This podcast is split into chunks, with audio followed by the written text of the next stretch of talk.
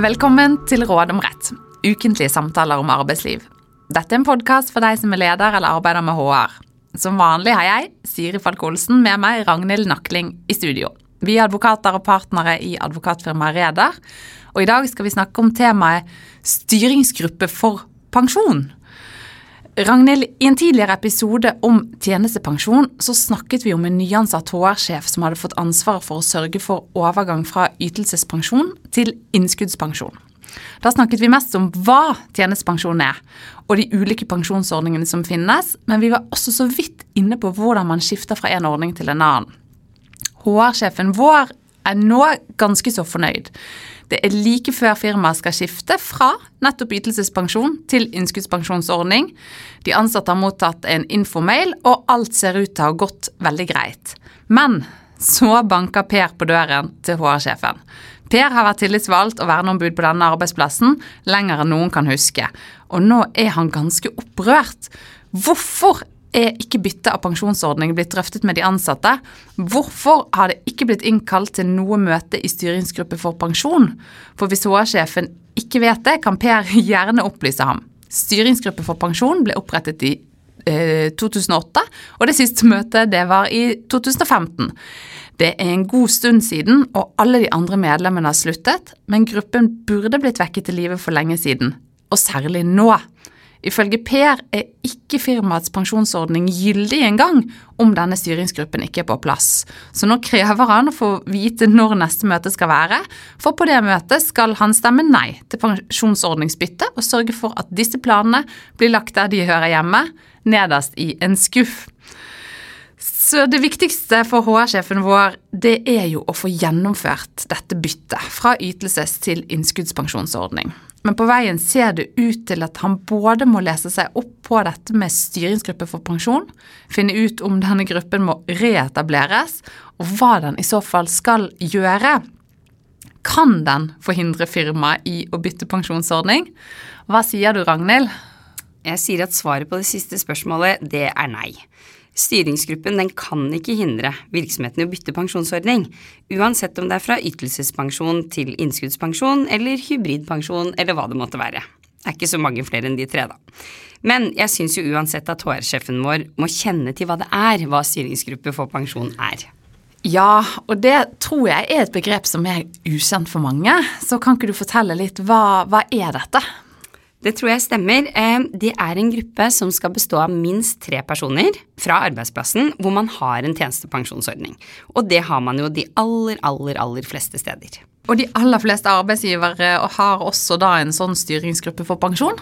Ja, der er det sånn at man kan si at jeg er veldig usikker på om de aller fleste har det. Men det er sånn at i hvert fall de aller fleste må ha det. Litt færre enn de som må ha tjenestepensjonsordning, men veldig mange. Fordi har du mer enn 15 ansatte, så må du ha en styringsgruppe for pensjon. Så det er i hvert fall mange da, som er omfattet av den forpliktelsen. Og har det i den forbindelse noe å si hva slags tjenestepensjonsordning virksomheten har? Altså om det er ytelsespensjonsordning, som i vårt eksempel, innskuddspensjonsordning, som, som nå er jo aller mest vanlig i privat sektor, eller den litt mer eller mindre vanlige eh, hybridpensjonsordningen. Kan man altså f.eks. droppe styringsgruppe for pensjon om man går fra ytelsespensjon til innskuddspensjon? Nei, det kan man ikke. Har man over 15 ansatte, så er det ingenting å si hva slags tjenestepensjonsordning virksomheten har. Fordi regelen om at man skal ha det, den står i alle de tre lovene som regulerer pensjonsordningene. Og som noen av dere som lytter kanskje vet, så samsvarer jo dessverre ikke navnene på disse lovene med pensjonsordningsnavnene. Det er foretakspensjonsloven, den regulerer ytelsespensjon. Tjenestepensjonsloven, den regulerer hybridpensjon. Men heldigvis, holdt jeg på å si, så heter jo loven om innskuddspensjon, da. Den heter i hvert fall innskuddspensjonsloven. Uansett hvilken lov du slår opp i, så er reglene om styringsgruppe for pensjon de samme. Riktig. Og vi vet jo aldri om noen nettopp har hørt episoden om eh, tjenestepensjon, eller om dette er første pensjonsepisode de, de, får høre du fortelle om pensjon, Ragnhild. Så kan ikke du si noe veldig kort om dette med tjenestepensjon generelt, og litt om de ulike pensjonsordningene? Jo, og for de av dere som lytter som kan dette veldig godt, så er det jo bare å trykke på forward-knappen et par ganger, så kommer dere lenger fram inn i episoden. Men de aller fleste norske arbeidstakere de skal være omfattet av en pensjonsordning hos arbeidsgiveren sin. Og det vil si at hvert år så betaler arbeidsgiver et beløp inn til en pensjonsleverandør som utgjør tjenestepensjonen til de ansatte. Den pensjonen som de kan ta ut som en følge av at de forhåpentligvis da har jobbet i mange år. Og i tillegg til tjenestepensjon så får man jo eh, alle, eh, alle norske statsborgere får jo da pensjon fra folketrygden, men det er ikke relevant for vår episode. Og så er det noen ulike tjenestepensjonsordninger arbeidsgiver i dag kan velge mellom for sine ansatte. Hva er det?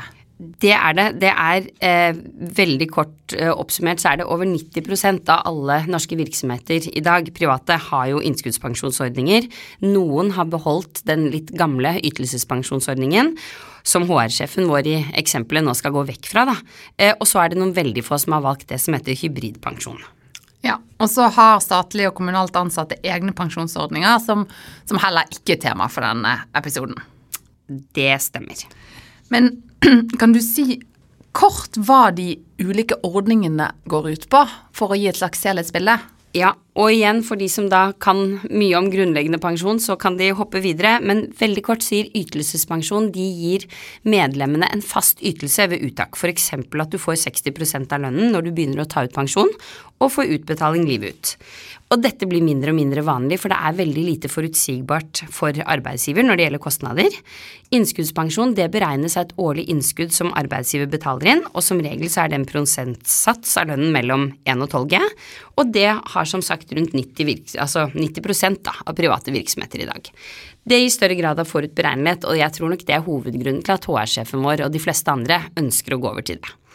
Og så er det hybridpensjon. Det er en blanding av de to nevnte pensjonsordningene som er lite brukt foreløpig. Ok. Og så hvis vi går tilbake igjen til dette som er dagens tema, styringsgruppe for pensjon. Hva var egentlig formålet med å innføre denne regelen, og hvorfor er det sånn at alle arbeidsgivere med over 15 ansatte må etablere en sånn gruppe? Jo, formålet det er jo å sikre at arbeidstakernes stemme blir hørt. Eh, man har det jo på mange andre felt i arbeidsretten nå. Man har AMU, eh, man har ulike regler om når det skal drøftes med ansattrepresentanter, og dette er et utslag av det. Det står ikke så mye i lovforarbeidene om begrunnelsen for at man innførte disse reglene, men hvis man ser på tidspunktet reglene kom inn for første gang, så var det når man sto helt i startgropen for veldig store, omfattende endringer eh, på pensjonssystemet i Norge.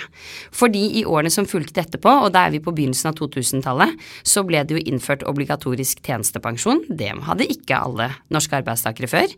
Det ble eh, innført innskuddspensjonsordning. Tidligere var det bare ytelsespensjonsordning, og etter hvert hybridordning. Og i tillegg så var det jo den store pensjonsreformen fra 2011 som ja, hva skal vi si da, veldig kort fortalt gjør at eh, det lønner seg å jobbe lenger, og at vi forhåpentligvis har litt mer penger til alle pensjonistene som vi etter hvert har, én million faktisk eh, akkurat denne måneden, det utgjør også en del av bakteppet. Så eh, lovgiver så nok at det kom en god del endringer da denne regelen ble innført, og mente at det da var viktig at de ansatte kunne få en hånd på rattet da, i valg som tas som pensjon, for det tas jo av arbeidsgiver, som i neste instans får veldig stor innvirkning på deres liv. Og det tenker jeg jo at mange vil mene er et eh, viktig og riktig hensyn å ivareta. Men i hvor stor grad får de ansatte egentlig en, en hånd på rattet gjennom denne regelen om styringsgruppe for pensjon? Har de noen mulighet til å påvirke beslutninger? Ja, jeg tror jeg vil si at de har en mulighet, eh, absolutt. Det er derfor reglene er der. Og, men jeg vil også si at den hånden på rattet er litt begrenset. Man kan kanskje trekke noen paralleller til f.eks. drøftelser forut for en nedbemanning, hvor jo absolutt det skal gjennomføres. Arbeidsgiver skal lytte, forhåpentligvis kommer det kloke innspill som man tar med seg. Men det er ikke sånn at man er forpliktet til å bli enig med styringsgruppen for pensjon. Den har kun uttalerett, den har ingen beslutningsmyndighet. så den den kan jo da på en måte Sannsynligvis så gjør den mest noen justeringer med tanke på hvor man skal svinge, hvis man har dette bildet med hånden på rattet. Men den som styrer, altså arbeidsgiver, da, bestemmer jo til syvende og sist hvilken vei man tar fremover.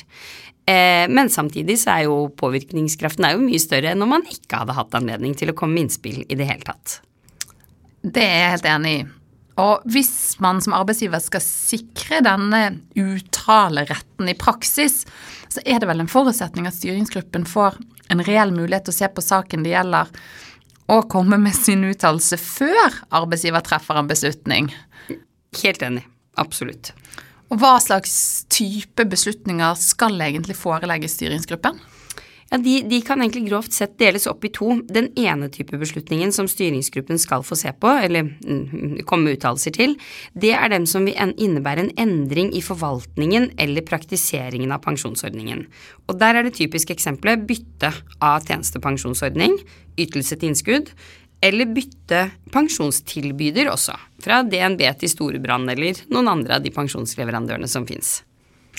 Og den andre type beslutning som styringsgruppen må få uttale seg om før, før den treffes, hva er det?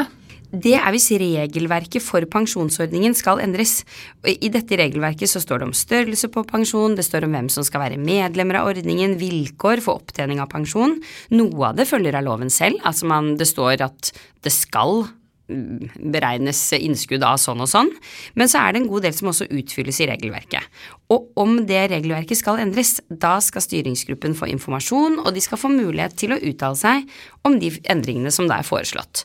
Et veldig vanlig eksempel, og ganske praktisk, det er vel om man beslutter at prosentsatsen da skal endres, altså økes eller senkes i innskuddspensjonsordninger. Før en sånn beslutning tas, så må styringsgruppen få uttale seg.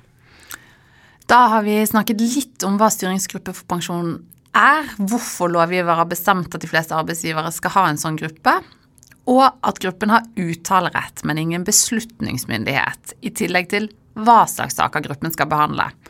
Når det gjelder hvem som kan sitte i denne gruppen, har du sagt at det skal være minst tre personer. Kan du si litt mer om sammensetningen av den gruppen til de som, som nå blir i tvil om hvordan skal man få på plass en sånn gruppe? Ja, absolutt. Altså, som sagt så skal det være minst tre personer, og minst én av disse skal velges av og blant medlemmene. Jeg har sikkert sagt tidligere i denne episoden at det er blant de ansatte, men det er egentlig litt upresist, fordi at eh, det er jo også de som er blitt uføre, er medlemmer av ordningen. Også de som har gått av med pensjon, er medlemmer av ordningen. Så i prinsippet så kan det være en av dem da, som skal sitte i styringsgruppen. Men samtidig så er det aller mest vanlig at det er noen av de som er ansatt i virksomheten på det tidspunktet gruppen ja, trer sammen og uttaler seg. Og de andre medlemmene, er det noe krav til, til, hvem det skal være? Nei, det er ikke det, så det vanligste er vel kanskje at det er en representant eller to fra arbeidsgiversiden. Så den HR-sjefen vår er kanskje en, en selvskreven kandidat til gruppen? Ja, det tenker jeg, i tillegg til Per, da. Han stiller jo sikkert til valg for det vervet. Og Er det noen regler for hvordan dette valget skal gjennomføres? Det er jo ganske detaljerte regler om valg til arbeidsmiljøutvalg f.eks. Gjelder eh, samme type regler for styringsgruppe for pensjon? Nei, det gjør ikke det. Det er ingen regler om hvordan valget skal gjennomføres, i hvert fall ikke som jeg har funnet. Det er ingen regler om hvordan, hvor lenge medlemmene skal sitte i styringsgruppen, men hvis man ikke har det på plass i en virksomhet, så tenker jeg at det er mest praktisk å avholde det samtidig som man avholder valg til verneombud, AMU, kanskje ansattrepresentasjon i styret, og det gjør jo ingenting om også dette valget er hemmelig og skriftlig, sånn som for AMU. Og hvis vi tenker tilbake på caset vårt, der hadde jo virksomheten allerede en styringsgruppe for pensjon. Riktignok en, en gruppe som bare eh, tillitsvalgt Per kjente til. Men hva gjør egentlig HR-sjefen vår med dette? Der tenker jeg at det mest praktiske for han og det han må gjøre, det er å prøve å finne ut litt mer, da, selv om de aller fleste der har sluttet. Altså hvem sitter der, eller hvem var det som satt der? Hvor mange av medlemmene i gruppen er det som fortsatt jobber i virksomheten, og er det behov for å fylle på med noen nye? Hvis ikke så er det i prinsippet ikke noe i veien for å krysse av på via styringsgruppe for pensjon, droppe valg, informere ansatte om at vi hadde en sånn gruppe, den har disse oppgavene, og så innkalle til et møte.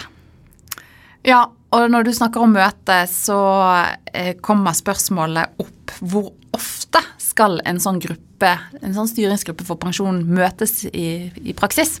Ja, nei, heller ikke der så stiller loven opp noen klare krav. Jeg tenker jevnlige møter, om så bare for ikke å glemme, da, som man hadde gjort i denne virksomheten, at det faktisk fins en sånn gruppe. Så tenker jeg også at én gang i året er nok tilstrekkelig, og hvis det ikke er noen spesielle saker som grupper må ta stilling til, det er ikke så mange som vil ha møter bare for møtets skyld, men samtidig så bør det være årlig, så glemmer man ikke at den gruppen faktisk fins. Og helt til slutt, hva skjer hvis man ikke har en slik styringsgruppe, men skulle hatt det etter loven. Det er vel kanskje ikke en helt uvanlig problemstilling? Nei, og da tror jeg de eh, skattejuristene vil i hvert fall få litt sånn panikk i øynene hvis man sier det, fordi at da har man faktisk ikke en gyldig pensjonsordning etter skattereglene. Den situasjonen vil man ikke havne i, det kan bli veldig dyrt. Men det er ikke avklart hvem som skal sørge for at det kravet er oppfylt. Eh, eller det er jo arbeidsgiver som skal sørge for å ha det, men det er ikke avklart hvem som på en måte undersøker om er det på plass. Men uansett så mener jo vi begge at man bør følge loven og sørge for å få på plass styringsgruppe for pensjon. Selv om det er litt usikkert hva som eventuelt blir konsekvensene. Yes. Da avslutter vi som vanlig, Ragnhild. Tre ting å ta med seg når det gjelder temaet styringsgruppe for pensjon. For det første, husk at du må ha en slik gruppe om virksomheten din er over 15 ansatte. For det andre, sørg for at den har tre medlemmer, hvorav én ansatt. Den kan ha flere, men minst tre. Og for det tredje, beslutninger om pensjonsordninger eller pensjonsregelverket skal behandles i denne gruppen. Den skal få uttale seg før arbeidsgiver treffer endelig beslutning. Det var det vi hadde. Takk for i dag. Vi kommer tilbake med nytt tema og nye tips i neste episode.